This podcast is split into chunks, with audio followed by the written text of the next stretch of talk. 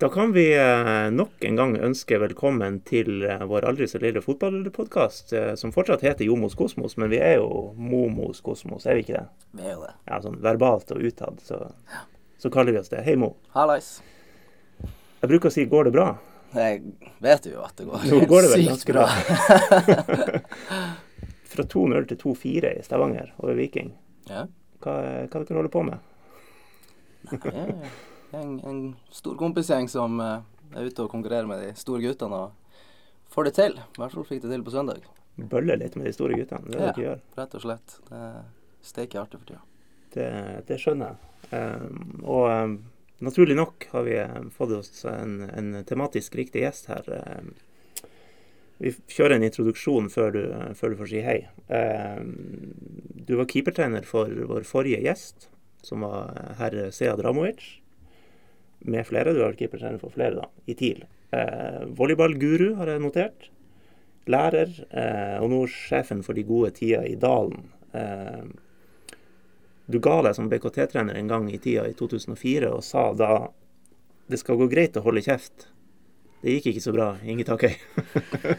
Takk for det. Eh, nei, eh, det handler vel kanskje om roller, da. Eh, jeg klarer jo for så vidt å holde stille utad, så lenge man ikke har en, eller annen uh, hatt på seg, enten det er noe uh, trener eller, eh, eller leder eller hva det måtte være. Men uh, det ligger vel kanskje lett for meg å, å like å diskutere og like å ha meninger. Mm. Ja, du har jo ment litt både om uh, TIL sin fremtidige arena og vinter-OL og mye, mye rart. ja, du har vært i arkivet? ja, skjønner jeg leita litt. Og det er vel kanskje de minst rare tingene jeg har funnet, da. Ja, eh, jeg hadde jo et utspill her for tre-fire år siden at eh, man, jeg mente at vi burde bygge et, et, et innendørs fotballanlegg i, i Tromsø. Mm. Eh, og det mener jeg vel egentlig kanskje fortsatt. Eh, vi gjorde vel i den tida en liten, eh, sånn, liten øvelse på at eh, hva ville salget av Alfheim stadion medføre, og hva ville kostnadene med å bygge ny storstue. Eh, Da var det noe foreslått nede på eh, støysona nede på Langnes. Mm. Og fant vel ut at det regnskapet gikk i pluss i forhold til, eh, til å realisere en sånn sak. Men eh, nå er det jo ikke jeg som bestemmer, dessverre. Bare med så, så, eh, så eh, med tanke på eh, både de klimatiske forholdene vi har her oppe, og, og eh, ikke minst i forhold til den diskusjonen som pågikk der og da om kontinental eh, tilnærming til seriespill, altså man spiller sånn som man gjør eksempelvis i Danmark. eller eh, Og de snøproblemene for å si det sånn, har jo ikke blitt mindre. Jeg tenker jo ikke minst på fjorårssesongen. Da var det jo for første gang vinter sørpå. Så nå har de jo en, det er jo fordelen. da. Nå vet de jo hvordan vi har det her oppe. da. Mm. Ja. Apropos det, jeg må bare si fra, fra mitt ståsted, eh, så er det jo supert å ha folk innenfor idretten som faktisk mener litt innimellom. Det, det liker jo vi. Eh, Jeg så jo i lys av det du nevnte, Strømsgods eh, sin markedssjef var jo ute i en blogg på Godset sin offisielle side og, og kalte det for galskap. Terminlisteoppsettet, eller datoene. Jeg syns det er topp. Det må være lov å mene. Ja da, idretten er jo i utgangspunktet en ufarlig sak. Og så eh, Det blir jo kjedelig. Og vi må jo også tørre å, å mene litt utover eh, 4-4-2. Altså vi, vi eh, Det er si, Nå har man jo vært både heldig og privilegert og fått holdt på med idrett på eh, høyeste nivå i forskjellige idretter. det, Da kommer du i mange skjæringspunkt, også ikke mot samfunn og samfunnsoppdrag og anlegg osv. som vi er inne på. Så, så hvis ikke vi som holder på med det her skal ha noen mening om det, så, så hvem, hvem skal da ha det, det, for å si det sånn. Ja, ja. Nei, jeg håper aldri vi kommer til den dagen der det er sånn eh, Premier League-standard i norsk fotball med sånn innøvde svar og eh, sensurerte spørsmål når man eh, har sånn sit-down-intervju. Jo, men det er jo fordi det er så mange dumme fotballspillere. så de må instrueres. Nei da, det var en fleip. Det, det eh, mye erfaring med fotballspillere at de er i høyeste grad eh, et snitt av den norske befolkninga også på, på den sida, og kanskje til og med bedre. Hører du, Mo? Hører det. Ja, det er bra. Eh, jeg kan lokke allerede med at vi har en, en liten spørsmålsbonanza som venter i dag til deg. Eh, men eh, før vi kommer så langt, eh, skal vi ikke slippe helt eh, mirakelet i Jåttåvågen, som det heter ut, utenfor Stavanger. Eh, du spilte og skåra, Mo, men Mm. hvordan opplevde du den kampen, Inge? Nei, jeg forventa jo det resultatet. Eh, jeg hadde jo eh, Jeg sitter jo på et kontor på, på Tuil Arena, så, så noen ganger så blir jeg jo frista å, å gå ut på, på feltet. Så jeg var jo torsdag og hadde avslutningstrening deriblant med Mo. Så, så eh, den treninga var faktisk så godt gjennomført at eh, motstanderen òg eh, ble inspirert og skåret et fantastisk mål. Så, så eh, Nei da, jeg skal ikke spøke for mye om det, men eh, Jeg syns guttene skal ha eh, veldig honnør for eh, den utviklinga de som lag har tatt. Starta jo litt mer sånn, litt sånn på tverke i, i starten av sesongen. Eh, og så syns jeg de har funnet tilbake til den berømmelige Tuil-stilen. Eh, og nå er det jo blitt et begrep i, i Tromsø eh, med min gamle eh, kollega Simo Vallakari. Så eh, eh, men mye av de ideene som Simo eh, har innført på, på TIL og Alfheim, eh, har jo egentlig vært relativt godt implementert i, i, i Dal Mm. eh, i flere år. Mm. Og det er klart Når man ser på de her spillerne, så er det ikke så rart. De er jo ca. 1,50 der omkring over Så, så spiller ballen opp og dobler på kant og innlegg, det skjemaet ble lagt bort for mange år siden. Så, så, eh, men det er like fullt artig at de har eh, som lag tatt steg og er tro mot den stilen. Det, det er den som har visst skape mest si, Toppidrett handler om å gi seg sjøl best mulig forutsetninger for å lykkes. Eh, og det syns jeg de gjorde. Jeg så jo kampen, selvfølgelig. Og vi lå jo faktisk under, selv om jeg syns vi var best. Og sånn er jo fotball. og Da kan man fort miste hodet og begynne med noe kavete og stressende. Men det har vi sett nå kamp etter kamp, at uh, guttene står i stilen sin og er tro mot den. og det, De har jo forsøkt seg litt i starten av sesongen med litt annet. Da går det som regel ikke så bra. Så, så det er nok en en god nøkkel og en, eh, ikke minst en dyktig trener som står oppi det, som, eh, som er klar og tydelig på, på spillestilen og kontinuitet gjennom flere år. Ja, og det nevner med høyden. eh, BKT sitt storlag på 80-tallet ble jo kalt Dvergene. De fikk jo stor suksess. Ja. Nå er vel ikke det politisk korrekt å kalle dere for det nå. Si de, de kortvokste, eller de, de høydeutfordrede, eller noe sånt. Ja. Nei, men det er jo, eh, det er jo mye, mye bra i det du sier. Men uh, Mo, da? Hvordan var det her? Det var, altså, ut fra det jeg fikk med meg, så var det ikke bare en kamp der alt gikk inn. For mer kunne jo gått inn. Dere skapte jo masse der etter hvert. Ja, på en god dag så har vi vunnet den kampen 7-8-2. Så jeg syns Viking var heldig. Eller 8-4, skal vi si det. 8-3, Ja, OK, la oss si det. for å være grei. Ja, ja. Nei, men vi ligger under 2-0 og egentlig soleklar best. Viking stadion bue. Så det var, når vi gikk inn til pause, så var det bare at det her skal vi vinne. Det, Mm. det, er ikke noe, det er ikke noe tvil at vi skal vinne denne kampen her. Og der kommer jo samholdet inn. Du ser jo på 4-2 så er jo vikingspillerne surkatt, skjeller hverandre ut. På 2-0 til Viking så roser vi jo bare hverandre og bare sier 'kom igjen, her, det går'. Mm. Så det, der har vi kanskje litt forskjell i forhold til Tuil og Viking, i hvert fall. At vi har det innarbeidet i laget.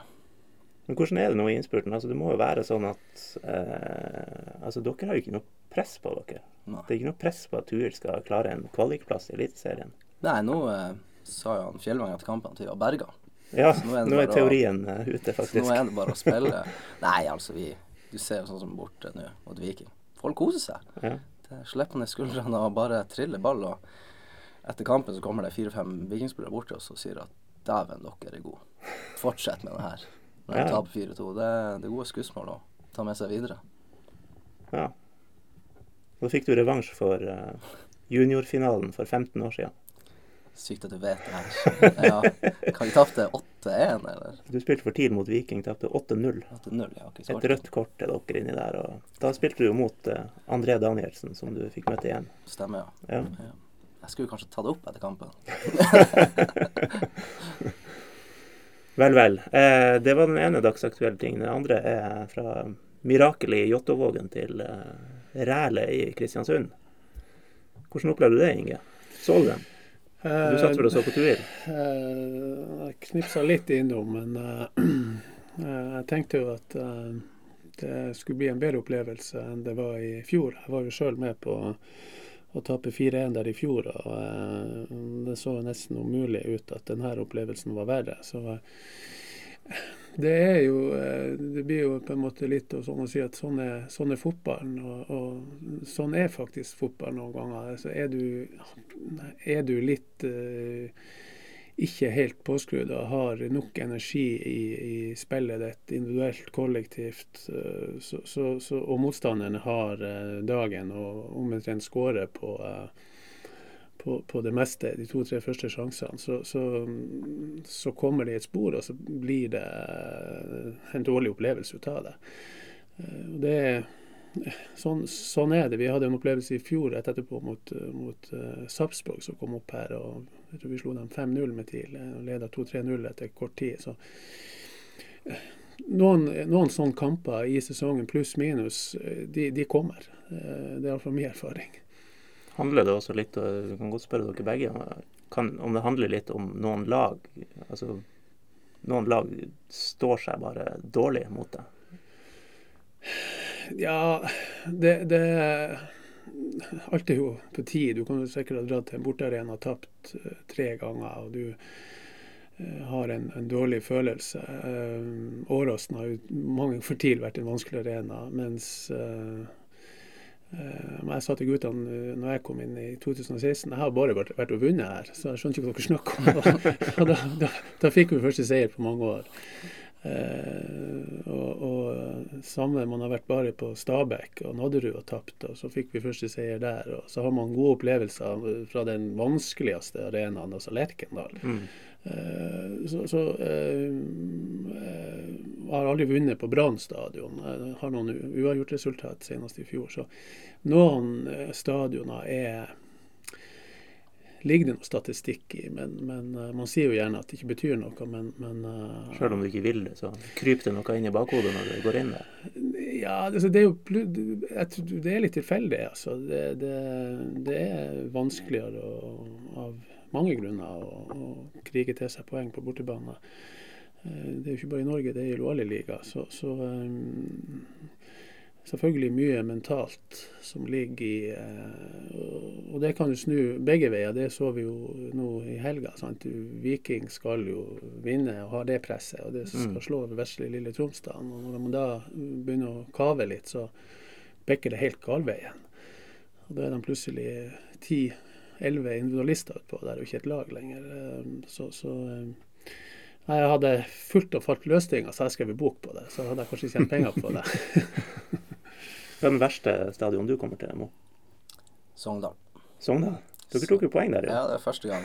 Jeg tror jeg har spilt fem-seks ganger. Ja. Grusa. Ja. Så det Men poeng nå. Men uh, Kristiansund, jeg syns Se er det et par kamper.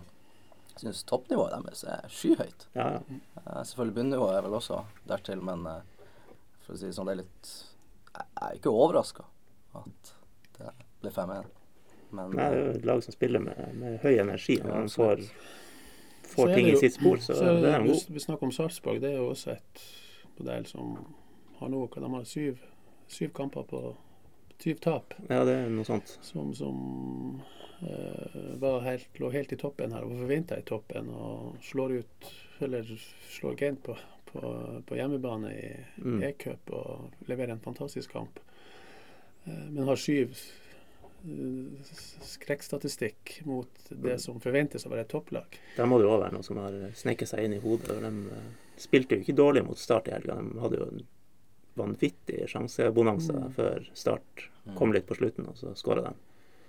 Ja, det, det, er som jeg sier, det er tilfeldighetens spill. Jeg bruker å si at, at uh, i fotball så, så, så jeg, har, jeg, deler det inn i tre. Det, enten er du så dårlig at du ikke kriger om marginene og taper fortjent, eller så er du i, i midtersjiktet og, og, marginene avgjør litt uh, resultat. Det er litt stang inn, stang ut. Det er jevnbyrdig. Og så har du da det siste nivået der du er såpass god at du har margin til marginene. Og I løpet av en uh, sesong, så avhengig av hvor, hvor, du, hvor du, er, så, så, så snakker jeg om TIL Tuil, så har du ofte to-tre sånne kamper i, i kategori 1 der du er vinn fortjent og har god kontroll. Mm. Men ofte så ligger du jo i midterkategorien, og så har du kanskje én eller to sånne kamper der du bare ikke Der du taper fortjent, ikke noe å snakke om. Så, så um, det er jo den der midterkategorien å klare å skape forutsetninger for å hente poeng selv på litt dårlige dager, som det heter. altså sånt. Og Tuil er jo et godt eksempel. Man hadde jo ikke mange år siden man hadde sånne her stygge bortetap. Mm. Nå kan man jo godt gå på smell, men det er jo jevne. Det er jo 2-1. Jevne resultat, iallfall. Ja, i fjor Så, var det vel en slags rekord for uh, antall bortemål. Altså ja. Færrest bortemål ever, tror jeg, i første divisjon med 16 lag. Mm. Så det er riktig det du sier. De der 5-0, 6-0-tapene, de, de, er borte. Men uh, for at det ikke blir bare kjedelig fotballprat, så må vi jo kaste oss litt tilbake i tid. det er vel ikke feil å si at du ble først litt sånn kjent fjes i Tromsø som volleyballmann. Det skulle vel være riktig? Eh, det tror jeg er relativt riktig. Ja. Mm. En greie som du sikkert har forventa at vi tar opp, eh, er jo da du stilte opp alene mot eh, Tromsø Volley sitt damelag. Spilte kamp og vant. Hæ? Det har ikke jeg fått med meg. Du måtte ta den. Ja. Ja, det, det ble jo et visst oppstyr. Nei, det var jo Du har sagt at du angra litt i etterkant? Jeg prøvde jo å tape. Det var egentlig et veddemål med Det var egentlig et veddemål med en av uh, herrespillerne som var assistenttrener for, uh, for rekrutteringslaget for herre, som hadde da spilt en treningskamp mot jenten og tapt. Hvor jeg selvfølgelig bare glapp ut av meg. altså kan du fortelle meg, tapper dere mot jenter? Jeg, jeg, jeg skulle slå dem alene. Hvor han da går opp til de jentene og forteller at jeg hadde sagt det jeg hadde sagt. Og dermed så satt jeg jo i saksa. Og da var det jo organisering, for de jentene var jo helt sikre på at de skulle vinne. Eh, det de ikke hadde tenkt på, at jeg hadde trent eh, et damelag, blant Norges beste damelag, før jeg kom opp til Tromsø i Harstad. Og hadde spilt noen sånne kamper mot jenter innimellom, som er en sånn liten, artig sak. Så jeg, jeg, visste, hva, jeg visste hva jeg gikk til. Så, eh, men eh, det ble jo en enorm oppslutning om det. Og så var det et veddemål med god flaske, godt innhold. Så, så eh, vedkommende var faktisk ikke på den kampen. Han var syk. Så på stillinga et eller annet der, så tok jeg timeout, og så måtte jeg fortelle de, de her dommerne som var herrelagsspillere, at for det var jo bra medieoppbud på det. Jeg så jo akkurat hva som kom. Så jeg prøvde å si at nå legger jeg meg. Dere ser at jeg kan vinne. Jeg legger meg nå, sånn at jentene vinner. Det ser bedre ut på trykk. Men da var det bare i kald skulder. at Det kan du bare glemme. Da må du ut med den flaska sjøl. så det ble, det ble, relativt greit gjennomført. Men, men uh, det var nok en læring for mange. ja, det grunnen til at du har sagt at du har angra litt, er vel kanskje at det her eh, Det blir jo ikke helt politisk korrekt, kanskje? Nei, jeg har jo fått Jeg fikk meg jo noen skjøllebøter fra eh, Ikke kvinnegruppen Ottar, men det var ikke langt unna. At det her var en mannssjåvinistisk handling, og så det som verre var. Så, så um, uh, til forsvaret er som jeg sier, jeg prøvde å komme meg ut av den, men uh, det, gikk ikke helt. Og jentene, skal du si sånn bokstavelig talt, eh, begrepet passer vel bedre å legge opp til Smash. Det, det, var de som hadde satt alt i gang. Jeg hadde sett for meg en liten sånn eh, rolig sak oppe i Tromsø som ingen visste om, bortsett fra de som var involvert. men uh, de hadde selvfølgelig vært så sikre på å vinne at de hadde kalt inn absolutt alt av media venner og kompiser. Altså, det var vel omtrent det oppmøtet på kamp de hadde mest publikum på. det gjorde ikke saken bedre. Men hvordan gjorde du det? Altså, var du mye oppå blokka, eller prøvde du å posisjonere deg for mottak? Og du måtte jo da ha lov til mottak, opplegg og Smash sjøl? Ja. Det er helt korrekt. Jeg gjorde alle delene. Ja. Og det er klart at uh, når du har uh, en hel bane bak deg, og du blir blokka, uh, der du burde egentlig bare dippe over en mann som er alene på banen. Ja. Så jeg tror jeg gjorde begge deler. Men jeg tenker sånn, det er jo ganske mye areal å dekke. Sprang du det? Frem og tilbake og heiv deg og styrte, eller? Hva jeg skal si Det, det er jo ikke vitt. Det er som en keeper. Du trenger ikke å slenge deg hvis du vet hvor ballen kommer. ok. Unnskyld at jeg spurte det spørsmålet. Jeg skjønte at det kom. Ja, som man spør, får man svar. Ja. Uh, ja. Eh, og så har du vært keepertrener i TIL uh, Mm. og trent ganske mange forskjellige keepere, bl.a. Ramovic var vi inne på.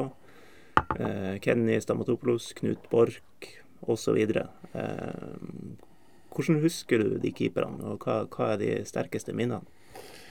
Eh, fra den første perioden så eh, Nå må du ikke bli for fotballfaglig. Og, Nei da, det skal vi ikke gjøre. Det, det er klart det var De tre du nevner, var jo i den første perioden i TIL. Og det var jo tre eh, gode keepere.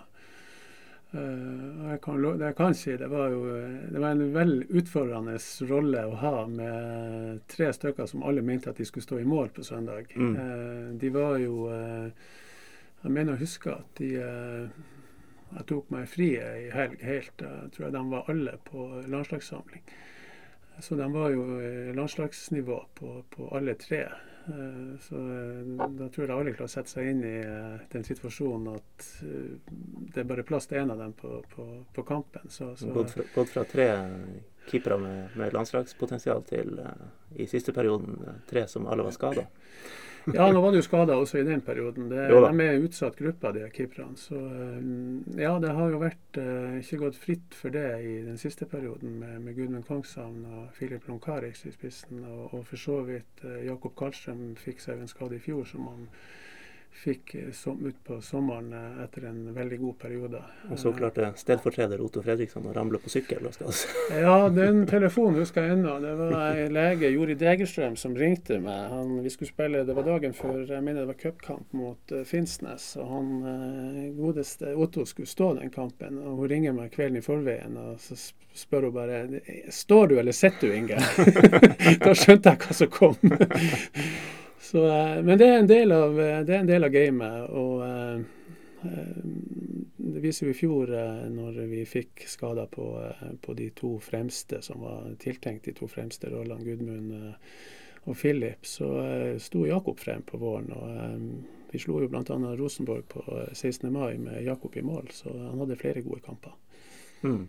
Så, sånn er nå idretten. Der en detter ifra, så kommer det opp en, en ny en, og det er det et godt eksempel på. Men eh, for ikke å slippe helt eh, keeperne fra den første eh, perioden eh, Forskjellige typer, det er lov å si.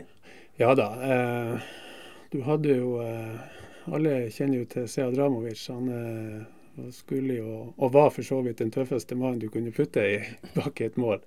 Jeg har egentlig bare sett han dårlig og nærmest besvimt én gang. Det var Jeg tok han med på fisketur til Lyngen. Eh, så var vi ute og fiska, det er jo sånn man gjør i Lyngen. Å komme i land med, med fangst. Og i Nord-Norge, når vi kommer i land, så, så må vi jo eh, gjøre fisken ren, og vi må jo sløye og så. Og det er klart at når de innvollene kom ut av den fisken, da var det full, da var det, det var ikke veggen der lenger. Da, da lå han i tangen og, og da, da var tøffe se at det var for mye for han. Så nei da. Eh, Knut eh, Borch eh, mener jeg jo fortsatt eh, Norge gikk glipp av en eh, fremtidig eh, landslagskeeper. Var jo i sin tid aktuell for Arsenal. Mm hadde en helt ekstrem fysikk og et Altså, han er jo kirurg i dag, og hodet på gutten var, var godt. Han var Jeg bruker å kalle det sånn svamputøver. Altså de her eh, utøverne som bare tar læringa. Du kan holde på med et instruksjonsmoment på, på formiddagstreninga, og ettermiddagen så, så gjør de det. Uh, han var en sånn type, så uh, der uh, der mista vi egentlig en, en, en stabil landslagskeeper med, og for så vidt TIL. Nå tror jeg jo at hadde han fortsatt skadefritt, så hadde han blitt solgt. eh, Så han tror ikke TIL hadde fått noe glede av annet enn pengene for han. Men, eh, Mm. men det, var, det var synd for Knut sitt vedkommende at eh, den kroppen uh, Jeg begynte å si til han, han, uh, han ser jo ut som en legeroman, det gjør han jo fortsatt. Men, men, uh, men han så ut som en Rolls-Royce, men alt av deler innvortes var folkevognutgaven, eller Skoda. Så, så, det var jo skader på skader som dessverre endte den fotballkarrieren for Knut. Det, men han har gjort annen suksessfull karriere, så fortsatt, tror jeg, eneste spiller som har uh, eh, troppa opp på Nordlys fordi han var misfornøyd med noe som sto i avisa. ja, uh, Knut har jo uh, både bare, hadde Bare for å ta den. Det var, det var vel da vi hadde Ukespeilet på lørdager. Og han hadde sluppet inn et frispark i, i sitt hjørne, eller keeperhjørne som det heter. Så, så var det vår medarbeider Danny som, som lagde en egen spalte der som het Knuts keeperhjørne der han tulla litt eh, med han. Og det, det likte han dårlig, altså. Han kom for å si sin mening. Ja, det, eh, Knut eh, både hadde og har fortsatt en meget sterk rettferdighetssans. Det tror jeg på. Så, så det hjalp for så vidt også å se at på sitt vis. Veldig sterk. Og det er jo et pluss, og noen ganger så kan det jo tas ut i en annen setting. Eh, jeg husker godt eh, garderoben, at han var kommet eh, der Hans Åge Yndestad sto og, og sjonglerte med en appelsin i garderoben. For så vidt morsomt nok, men i Seat sitt hode så var det mat. Du, du behandla ikke mat på en sånn måte. Så Yndestad han fikk, nok, han fikk høre det der og da. Så, så rettferdighet og kulturer og oppfatninger er jo det fine med, med fotballverden på dette nivået. Det, smeltes, det er flere kulturer som kommer inn og må smeltes litt i hop. Og det tror jeg eh, mange og alle som er involvert, lærer litt av hverandre på. Mm. Jeg har et, faktisk spørsmål som jeg egentlig aldri har spurt deg, og har lurt på i mange år. Du var aldri keeper, var det? Nei. Men du ble keepertrener? Jeg ble keepertrener. Hvordan havna det seg til? Og tok du mye fra volleyball, eller? Eh, ja, jeg brukte jo å fortelle det. Det var jo når jeg starta første gangen, så var det jo, eh, var jo litt omstridt. Eh, det skjønner jeg jo veldig godt, da. Men, men da var det folk som begynte å komme og si at ja, men så bra at det kommer en kar inn der som kan spenst. For det er så viktig for keeperne. Så, så ja, det er viktig. Ja, hvordan trener dere?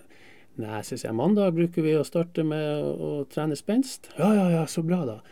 Og tirsdag vet vi ikke hva vi skal gjøre, så, så da tar vi noe eh, spenst òg.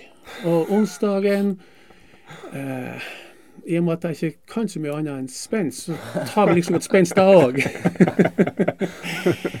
så eh, Nei, det var jeg har jo en bakgrunn i flere idretter, sånn at um, det begynte vel faktisk med spenst. Det var Knut Borch som tok kontakt uh, etter jeg var ferdig i BKT.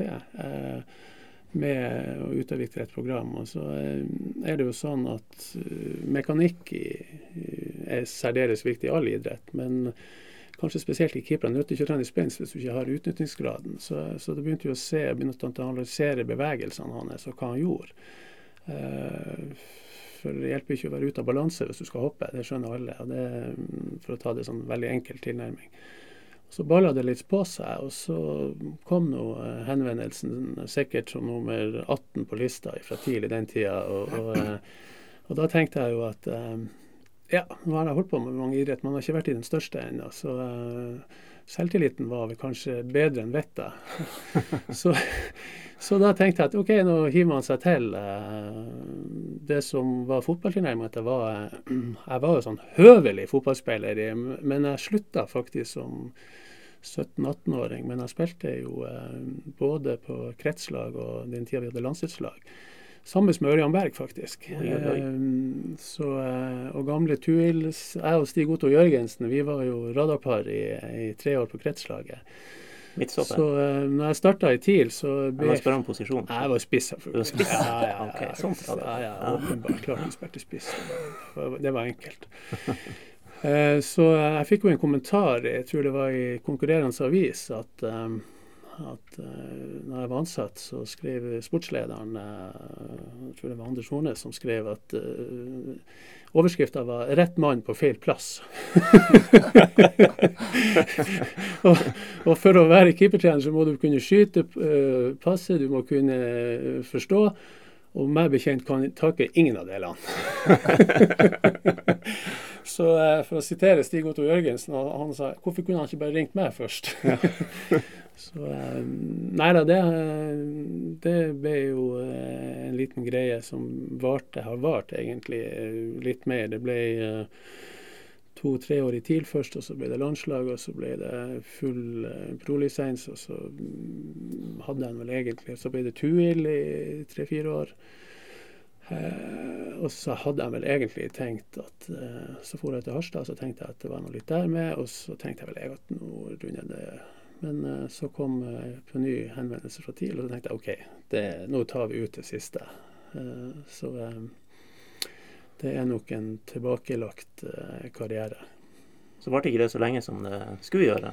Du skifta beite over til Dalen og daglig lederrollen plutselig. Re eh, relativt plutselig. Ja, eh, det kom jo en henvendelse fra Dalen. Jeg hadde jo, var litt usikker på hvorvidt at man skulle skrive en ny kontrakt på Alfheim, og, og sa vel at inntil videre, og hvis det dukker opp noe som er interessant, så vil det vurderes. Det er jo, er, man er jo ikke 20 lenger og er keepertrener, så står du på feltet og, og du slår ganske mye baller, for å si det sånn. Så eh, det På slutten der så var jeg og Brexidol-eska vi, vi, var gode venner, for å si det sånn. Så, så eh, det kom noe Jeg står på sida og bare instruerer. Jeg syns jo det er artig, og syns jo fortsatt at det er artig å, å sette han i vinkel. Eh, fortsatt. Så, så, hvis jeg skulle ta det bort, så så, eh, så syns jeg Så kom var det jo alternativet eventuelt å gå tilbake til, til skoleverket eller den biten. Eh, men så har jeg bestandig sett på Tuil som en uh, flott klubb og, og flotte folk, og, og, ikke minst med et uh, stort potensial i forhold til mange ting. Selv om man er nummer to-klubb. Og så trenger du mindre Brexidol når du sitter ved en kontorpult? Det gjør jeg. Jeg hadde som sagt trening i forrige uke. og jeg, Hele helga gikk egentlig med på å justere seg opp igjen. Så, så Gaute var spurt om jeg skulle være med i, i, med i morgen. Så jeg sa at det, det det, det, det, vet jeg ikke. Men det er jo artig. Bevares meg vel. så en eller annen gang være med ut på feltet er jo bare gøy. Ja. Vi, um, har man spilt fotball hele livet, så har man jo leken i seg. Jeg går i, i disse dager et uh, lite kurs for å bli trener for uh, seksåringen min. Og uh, det endte jo i går på feltet med at når det ikke var vår tur, så sto vi og spilte gris. Så sånn er det. Ja. Nei da, det, nei, leken må man aldri legge bort. Nei. Men eh, må bare gripe tak i det. Eh, Tuil, kan det bli en campingplasseier og eliteserieklubb? Jeg kan det... slenge inn et spørsmål fra Espen Rene Svendsen før vi kommer til spørsmålsrunden. Han spør har vi råd. ha, har, har, vi ikke råd? som så sier, si, så må du si kjerringa, det er vanskelig å spå, spesielt om fremtida. Eh, det er det også nå. Eh, om det blir eh, nå eh, eller en gang i fremtida, så er alt mulig. Eh, fotball, idrett, alt er mulig. Men, men uh, status er jo at uh, det skal spilles en uh, god del kamper før vi er fremme med den statusen. først skal vi nå kvalifisere oss for å komme i posisjon. Mm. Og så er det jo en relativt lang kvalifiseringsrunde.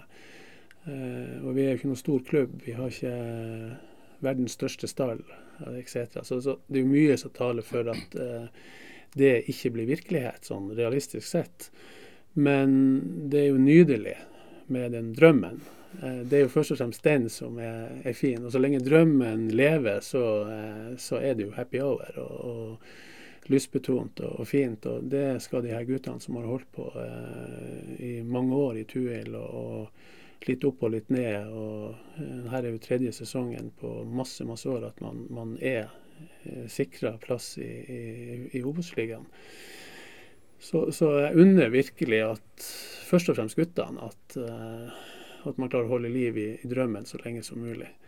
Eh, når det gjelder klubben, så er, er jo svaret at uh, samme som kvalifisering skulle, og nå understreker jeg skulle, den lille prosenten gå inn her, så, så, så, er det ikke noe alternativ at jeg må sette meg ned med Kristian Høydalen og ta en diskusjon om, om, om vi får lov å leie Alfheim stadion. For Tuel Arena er kommer ikke til å bli godkjent til kampstart neste år. Så uh, ufravikelig faktum er det.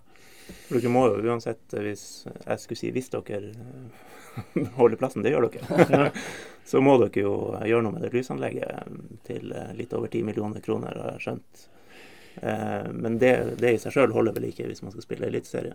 Nei, bare lysanlegget. Altså, det holder til å vi, en, vi, vil nok få en dispensasjon til å spille Obos. Mm.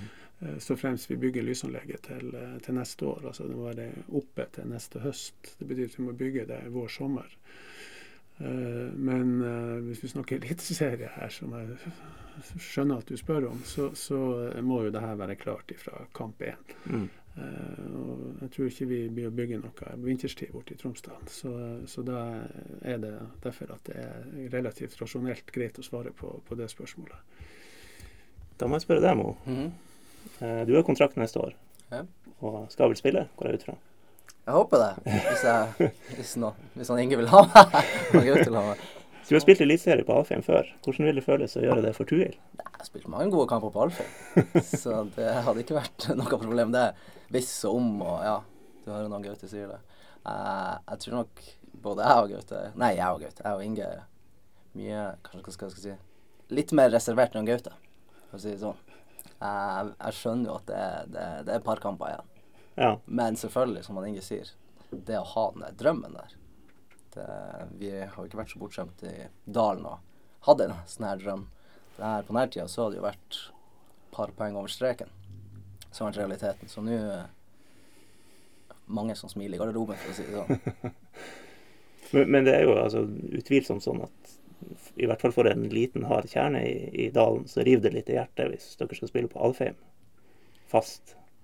Hvis det blir Hvis det blir Eliteserien. Kan godt spille på Sandefjord stadion hvis det blir Eliteserie. det er ikke nøye? Nei. nei, det Nei, jeg, jeg hadde tre fantastiske år i TIL, så det, for min del hadde det ikke vært noe problem. Det er kanskje greiere for dere spillere enn, enn for uh, noen litt sånn hardbarka ja. TUL-folk? Det tror jeg nok absolutt. Ja. Ja, det er gøy så lenge det varer. Ja. Og måtte det vare. eh, du har jo nevnt eh, litt grann om Dere bygger jo en hall. Mm. Eh, Tuil Arena 2 og har en, en, fortsatt relativt ny tribune i Tuil Arena. Eh, har noen tanker om, om, hva dere skal gjøre med den, og mulighet for å selge eh, rettigheter der?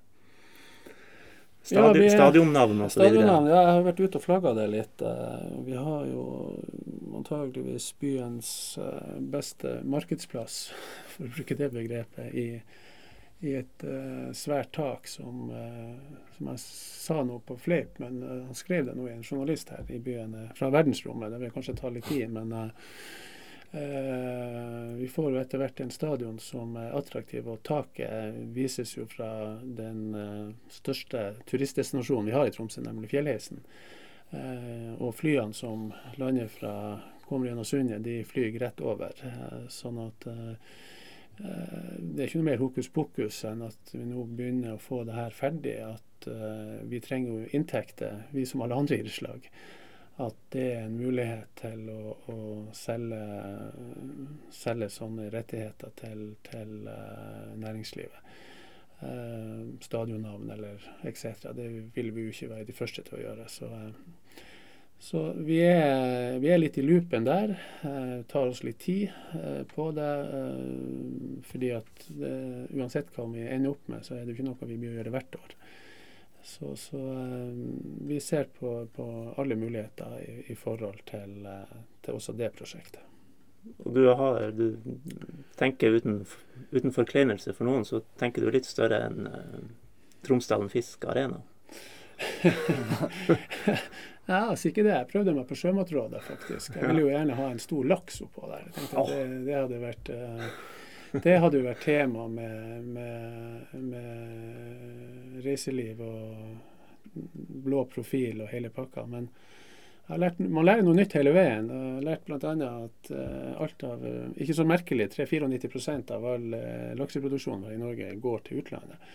Slik at uh, markedsbudsjettene til de her det går til utlandet. Så vi er det ble ikke noe av den laksen. Det ble kanskje litt småharry, men det er jævlig tøft med en stor laks oppå taket med elva attmed og så videre. Så så vi, vi, vi, ser litt eh, Vi er jo en spesiell som du innleder med, vi er jo en litt spesiell klubb som er en relativt betydelig reiselivsaktør òg.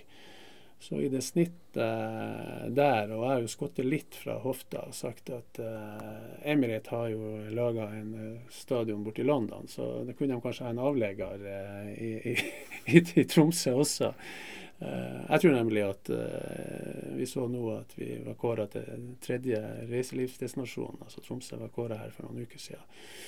Uh, og jeg tror jo at med utvidelsen som kommer på flyplassen, så vil vi se direkteflygning fra eksempelvis Dubai-Tromsø direkte, istedenfor sånn som det går om Oslo. Uh, da vil de større fly kunne tatt større fly ned i Tromsø. Og hvis denne uh, turismeboomen som vi har sett gjennom de siste år, bare fortsetter, så, så er det så er det iallfall et, et mulighetsbilde å se uh, det eksotiske i nordlys og sny, sny, snydekt stadion. I fjor gikk jo bildene av Amoa worldwide altså, på, på uh, førstevisjonskampene med tre meter høye skavler rundt. så så, så, eh, vi må tørre å tenke litt utafor boksen. Eh, sjansen for at vi lykkes er jo nødvendigvis ikke så stor, men eh, det er iallfall eh, verdt å prøve. Og hvis du ikke forsøker, så lykkes du iallfall ikke. Så eh, får vi se hvor vi ender eh, på i, i, i, den, i, den, loopen og den prosessen. Emirates Arena. Det klinger bra. ja, ja. Allegro Arena. Det måtte vært noe. Oh. En stor pizza på taket. Ja, nei, det som jeg sier, vi, vi prøver å se på eh, Jeg syns at man skal se på det. Det er jo som jeg sier, Sjansen for at man lykkes er jo, vet man jo ikke. Vi, vi er en stor snuhavn for, uh, for uh, turistbåtene som kommer ned. Turistbåtene kommer nå. Før så var det et, jeg er så gammel at når turistbåtene kom, så kunne vi ta på oss T-skjorta, for da var det vår i bakkant. Nå slenger de i kaia i januar allerede. så så eh, vi skal ikke være redd for å, å gå utafor uh, den vanlige boksen. Uh, vi bor bare 4-4,5% i denne regionen, Troms og Finnmark. Uh, og det er klart at de nasjonale markedssjefene sitter i all hovedsak sørpå. og hvorfor skal de bruke mye markedspenger på, på 4,5% av Norges befolkning? Så, så eh, det spørsmålet må vi tørre å stille oss. og da, da, da, kan man kanskje se på eh, alle de her tusener som kommer til byen. Er det, er det et marked der? Er det et nytt type sponsormarked som er, kan være interessant? Ja. Eh, vi må nesten gi lys på, på spørsmålene vi har til deg. Bare et kort spørsmål før det. Vi har en, en såkalt outro på det her eh, programmet som er en video som du og Bård Flovik en gang i tida spilte inn for TIL. som, som, har gått som en liten farsott blant folk der ute. Eh, får du høre det? Får du høre det ofte? Innimellom. Uh, den ble vel spilt uh, x antall ganger i TIL-garderoben av guttene før at jeg oppdaga hva det var for noe så, lite og så gammeldags er jeg. At, uh, før jeg, jeg skjønte at de flirte. Og uh, jeg skjønte ikke, For meg så var det bare noe støyende musikk, men uh, etter hvert så skjønte jeg jo at det var noen som hadde tatt den opp, den der. og laga, en sak ut av det. Nei, det var jo bare morsomt. Altså, det, det, det som å si Det er nok alvor, og det er nok Vi må ha humor i, i, i ting og tang. Og spesielt, jeg har jo kritisert de, denne generasjonen kraftig. Eh, ikke minst oppe på Alfheim, altså med de her eh, mobiltelefonene som, eh, som er allemannseie, selvfølgelig. Og, og, så jeg brukte å sagt til denne generasjonen fotballspillere det var Tenk på hvordan det var før i tida. Da brukte vi å prate med hverandre i garderoben. så, så, ja. Litt humor må vi ha, og sjølironi, det, det hører med. Ja, Det er bra. Men hva, hva betyr 'take them all'? hva, hva mener du? uh, Jeg vet ikke om jeg skal gå helt i det. Det var et uh, internt budskap til, til, til keeperen uh, som uh, handla om uh, en del uttalelser som var gitt fra hans hjemland i forhold til, til han. så, så gikk på at det var en del trenere som mente at Filip Lunkaric ikke var en god keeper. Um, og etter hvert så eh, ble han jo det, og det er jo kanskje relativt enighet om at fjorårssesongen, eller den første sesongen, så var han veldig god på høsten. Og jeg tror vel han var sterkt bidragsyter til at vi berga plassen den, den høsten. Så um, det var en liten sånn greie som vi hadde i lag da, for å si at vi skulle motbevise uh, alle de her menerne som mente at han var gått ut på dato og var dårlig og ferdig og alt det her. Så det var bakgrunnen for, eh, for den uttalelsen. Da har vi fått eh, et slags svar på det. Okay. Og fire armer av Morten Bredal. Og redde høyt, og redde lavt, og redde faen meg alt! Da kjører vi spørsmål. Vi har noen å komme oss gjennom. Uh, vi kan begynne med et fra en som heter Lars Petter Andresen. Han kjenner du litt. Assistenttreneren i TIL. Uh, er det kun Inges inntreden som er grunnen til Tuils suksess, eller har også Gaute Helstrup gjort en OK jobb? det måtte selvfølgelig komme fra han. For det var siste, siste beskjed når uh, jeg dro over fra Alfheim her i våres, at uh, at um, da blir det vel uh, Hva er målet ditt med å dra over? Så ser jeg jo på dem. Uh, verdensherredømme, selvfølgelig. Men vi begynner med denne byen. så, så, tilbake til humor igjen. Og det, det jeg jo, ser jo godt man er blitt såpass gammel at man er, skal være litt humor. og Man har ikke, har ikke litt humor uten at man har litt, litt frittalende uttalelser. Så så, eh, men for å være alvorlig, så eh, er det eh, den, den situasjonen som, som Tuil står sportslig sett oppi nå, har jeg overhodet ingen ære eller skal ta del i. Min jobb er å prøve å legge forholdene så godt som mulig til rette utenfor banen primært. At jeg er så heldig å få være med på en trening, har ingenting med, med resultatet å gjøre. Det er bare, det er bare en lite stunt der og da. Så her er det jobba godt fra eh, Gaute Håvard gjennom mange år, og guttene, som jeg sier, i forhold til eh, spillestil og utvikling. Så eh, det er nok det, det seriøse og rette svaret. Setter vi kryss i taket for en ydmyk Inge Taker her. Ja, det var... eh, Kjell J. Lillegård har et spørsmål. Eh, Inge, tror du noen av dem du trente eller spilte med innenfor volleyball, kunne nådd opp som fotballspiller? Bortsett fra deg sjøl, da. det var ikke med i spørsmålet. nei, det skjønner jeg. Ja, det uh, Fra den tida jeg spilte, så var det jo flere som var bra. Uh, Uh, hvis vi snakker om keeper her, så er jeg jo helt overbevist om at en Terje Øvergaard, som var kåra til Norges beste volleyballspiller i sin tid, ville også vært blitt en veldig god keeper. Han har vel vært litt keeper ja, i lokalfotballen? Ja, han har vært litt keeper, og, og uh, han ville nok uh, også kunne blitt uh, Vi ser jo nå eksemplene i Strømsgodset med Sætra, som, som, begynte seint og nå står mm. i, i Eliteserien.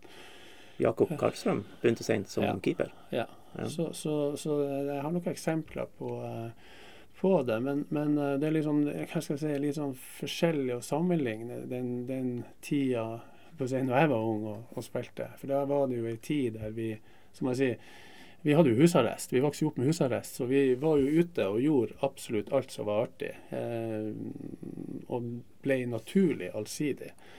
Eh, hadde kanskje en større forutsetning for motorisk trening. Og, og, eh, mens i dag ser vi jo at den eh, opp, oppvoksende slekt er, Det er noen som er veldig aktive. Og så er det svært mange som, som ikke er det. Også, og de som er aktive, blir veldig fort spesialisert. Med det samme du tar dem litt ut av det de holder på med, så er bevegelseserfaringa begrensa. Fordi at de, de har ikke den samme ballasten som, som vi naturlig fikk. Uh, det her er jo datagenerasjon av mange årsaker. Skrevet forskningsrapporter opp og ned i mente på. Så, så det er litt sånn uh, Nå gikk du inn i en dyp uh, tematikk. Vi lander på Terje Øvergaard, i hvert fall. um, sentralkomiteen på Hatteng skole sender ukentlig inn um, De er vel et par uker siden de kom med de har hatt styrevedtak om at det skulle snu mot godset.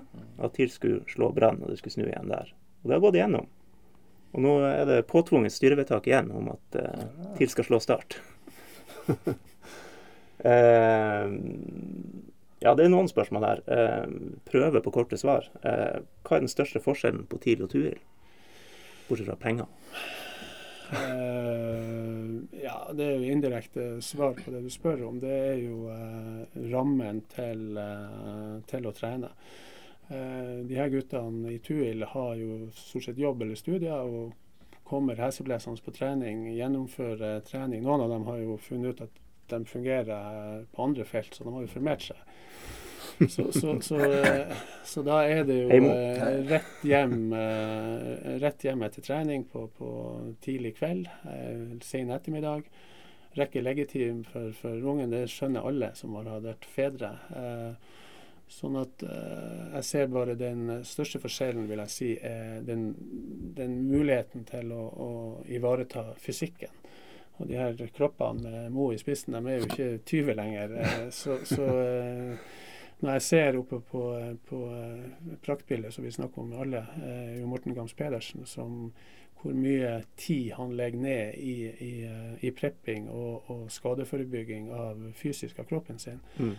så, så, er nok det den største forskjellen i, si, i hverdagen. Tid til å være 24-timersutøver, ja. som det så fint heter. Ja. Og så er det jo selvfølgelig Vi skal jo ikke underslå at uh, en viss kvalitetsforskjell eh, enn så lenge. ja. Setter meg så langt å si det såpass. Eh, neste eliteserieprofil fra Tromsdalen eller Tuil? Eh, ja, det, det, blir vel neppe Mo, eller så blir det et helt lag. Hele laget? Nei, vi har jo uh, altså Det mest spennende er jo det som kommer eh, opp her med, med George, uh, Louis, uh, Sebastian Tonetti. Spesielt sistnevnte er jeg jo veldig svak for. bare 16 år som har ei, tror jeg, veldig spennende utvikling og kan nå kjempelangt. men så har vi jo flere av de som er litt eldre, som, som er i vannskorpa også, som Eh, kan altså det er litt, det er jo, altså Når du er i Tuil, så er du enten i den første kategorien unge som kan komme opp der, og, eller så er du i kategori to, det er på en måte kaller det late bloomers. altså det, Der er det nok et par-tre som eh, fortsatt er en alder som gjør at utviklinga fortsatt går, så vil de bli aktuelle for, for uh, nivået lenger opp. Ingen nevnt, ingen glemt? Uh, nei, jeg tror vi setter oss på alder. så det, Ser du på 24-25-26 år der, så, så, vil det være to-tre spillere der som uh, med hardt arbeid kan ta et steg. Nå vet jeg ca. hvem du peker på. har Tromsø plass til to lag i øverste divisjon? Jeg har jo vært litt innom det. Jeg tror det er vanskelig. Sånn helt seriøst eh, så tror jeg det er vanskelig. Men spørsmålet må på en måte stilles i forhold til hvilke forutsetninger skal ligge til grunn. Eh, hvis du skal ha to eh, rene profesjonelle lag, så, så er jeg tilbake til 4,5 innbyggere her oppe, og eh, det preger jo også eh, pengene og, og, og næringslivet. Så, så eh, under sånne forutsetninger så vil jeg si at det ikke er rom for det. mens har du en, en Ranheim som er oppe og gjør det veldig godt i år, eh, kan nok bli vanskelig til neste år. Det viser jo all erfaring. De fremste vil bli solgt. Og, og, Noen er jo det allerede. Ja. Enten i sommer eller fra nyttår. Sånn at i et sånn lengre tidsperspektiv så, eh, så tror jeg det er vanskelig eh, å ha to lag i Eliteserien fra Tromsø by. Men det betyr ikke det at du ikke kan gå opp og ha det en stakket stund. Det er mange eksempler på i Norges land som har Fyllingen i Bergen, du har Strindheim, du har i Trondheim osv. Så videre. så, så, eh, men felles for alle de her historiene i større, litt større byer enn en Tromsø, er jo at de har vært oppe og gått ned, og noen av dem har mm. til ramla ganske langt ned. Så, så eh, eh, Men eh, det er jo på en sånn kommersiell side av det. Men, men eh, at man er oppe på et alternativlag som Tuil er, det er vi jo per dags dato eh, allerede nå. Vi spiller jo eh, Jeg registrerer jo at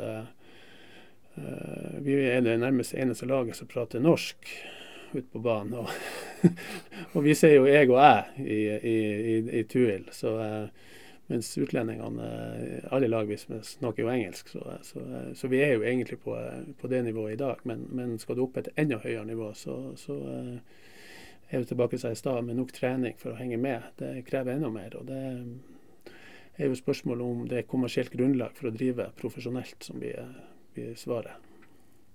Så det er litt uh, konservativt. Uh, det, det, er fint sånn som det er, på en måte? Jeg tror at, uh, at vi, skal som jeg har sagt vi skal holde drømmen, og skal, det fortjener de her guttene. Men vi skal også ha en viss sånn realisme i det. Og vi skal gjerne ta et opprør hvis det kom på ei fjøl, og, og godt arbeid her over år. Men sånn realistisk sett over tid så, uh, så viser all uh, historikk at det er særdeles krevende. Gir det mening, det her? Ja, jeg syns det er veldig kloke ord, det han Inge sier, og jeg tror også det. Det er vanskelig med to eliteserielag i Tromsø. Vi er, vi er ikke det, den største byen heller. Nei. Vi noterer oss den. Eh, vi får gå videre til Andreas Seipajärvi. En slags keeperkollega, kan vi si. Tidligere keeper og, og trener, da. Eh, kan du huske første gang du faktisk måtte evaluere noen som drev med keepertrening? Her tipper jeg det har noe med han sjøl å gjøre, kanskje. om, det var, om det var utøver eller trener, var ikke bare å forstå seg på.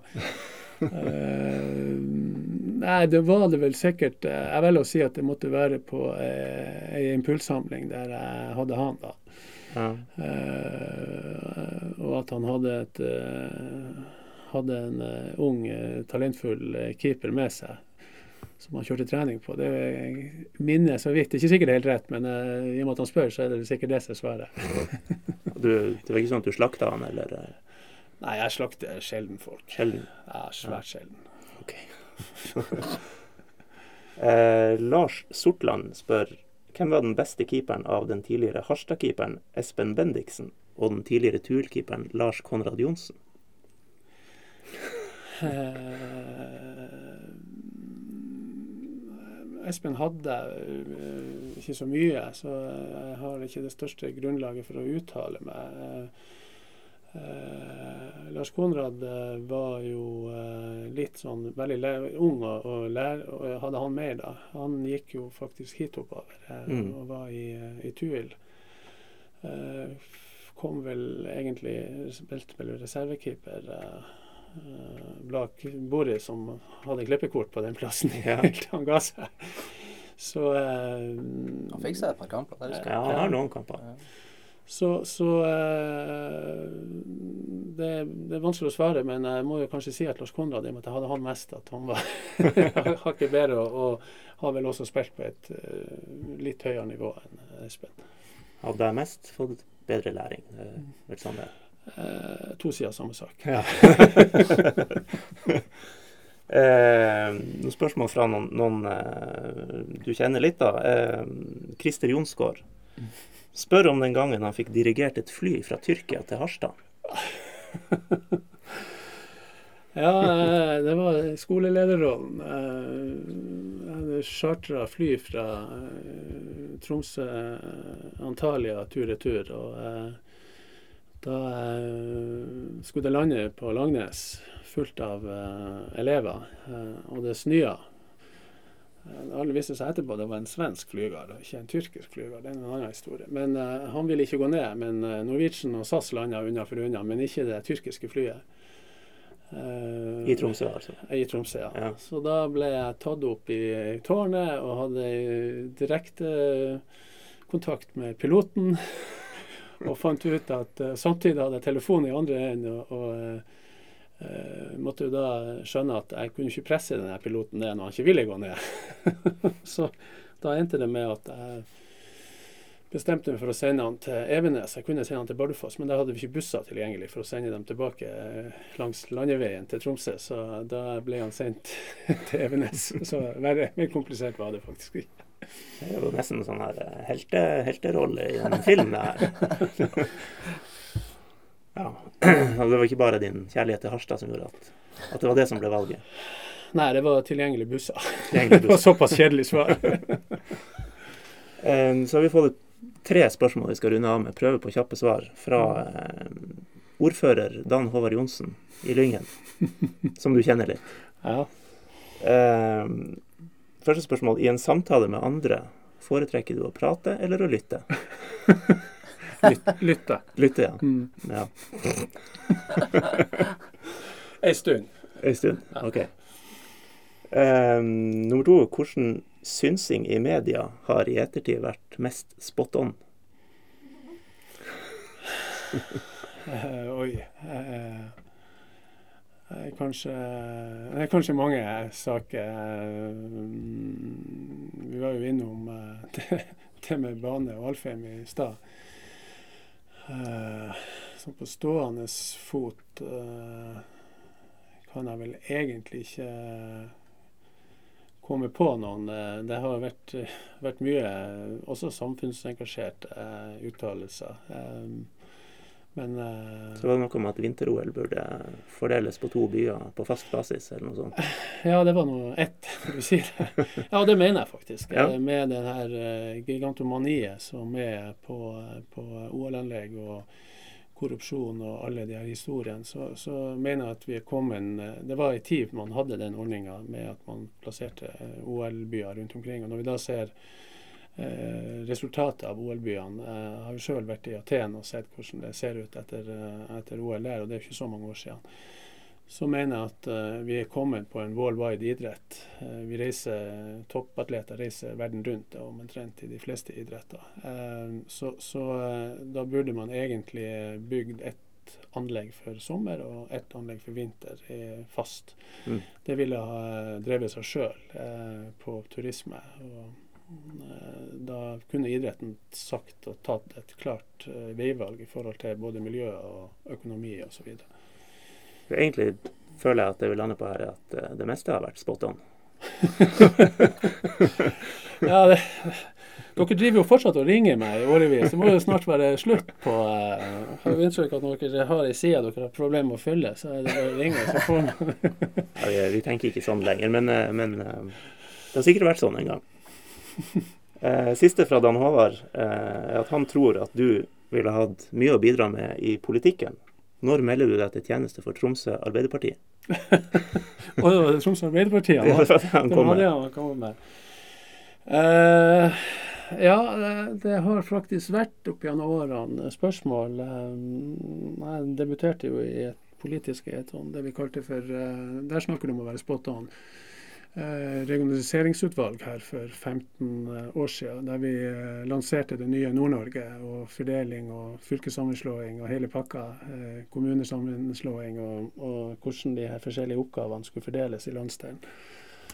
Eh, og den er jo i høyeste grad levende den dag i dag. Så ehm, eh, jeg holdt på å si, det er jo ikke eh, lange betten ifra å være samfunnsengasjert og å bruke et sånt begrep, og samfunnsorientert til at eh, eh, man bidrar politisk. Eh, jeg synes jeg har veldig stor respekt for, for de som gjør den jobben og tar på seg det vervet. Det er mye kjeft, det er utakknemlig, men de gjør en en utrolig viktig jobb, så er det jo selvfølgelig vårt privilegium å være uenige noen ganger. Men, men jeg skal ikke se bort fra et eller annet tidspunkt at det kommer på banen igjen. Men uh, akkurat nå uh, er det ikke, er det ikke rom for det.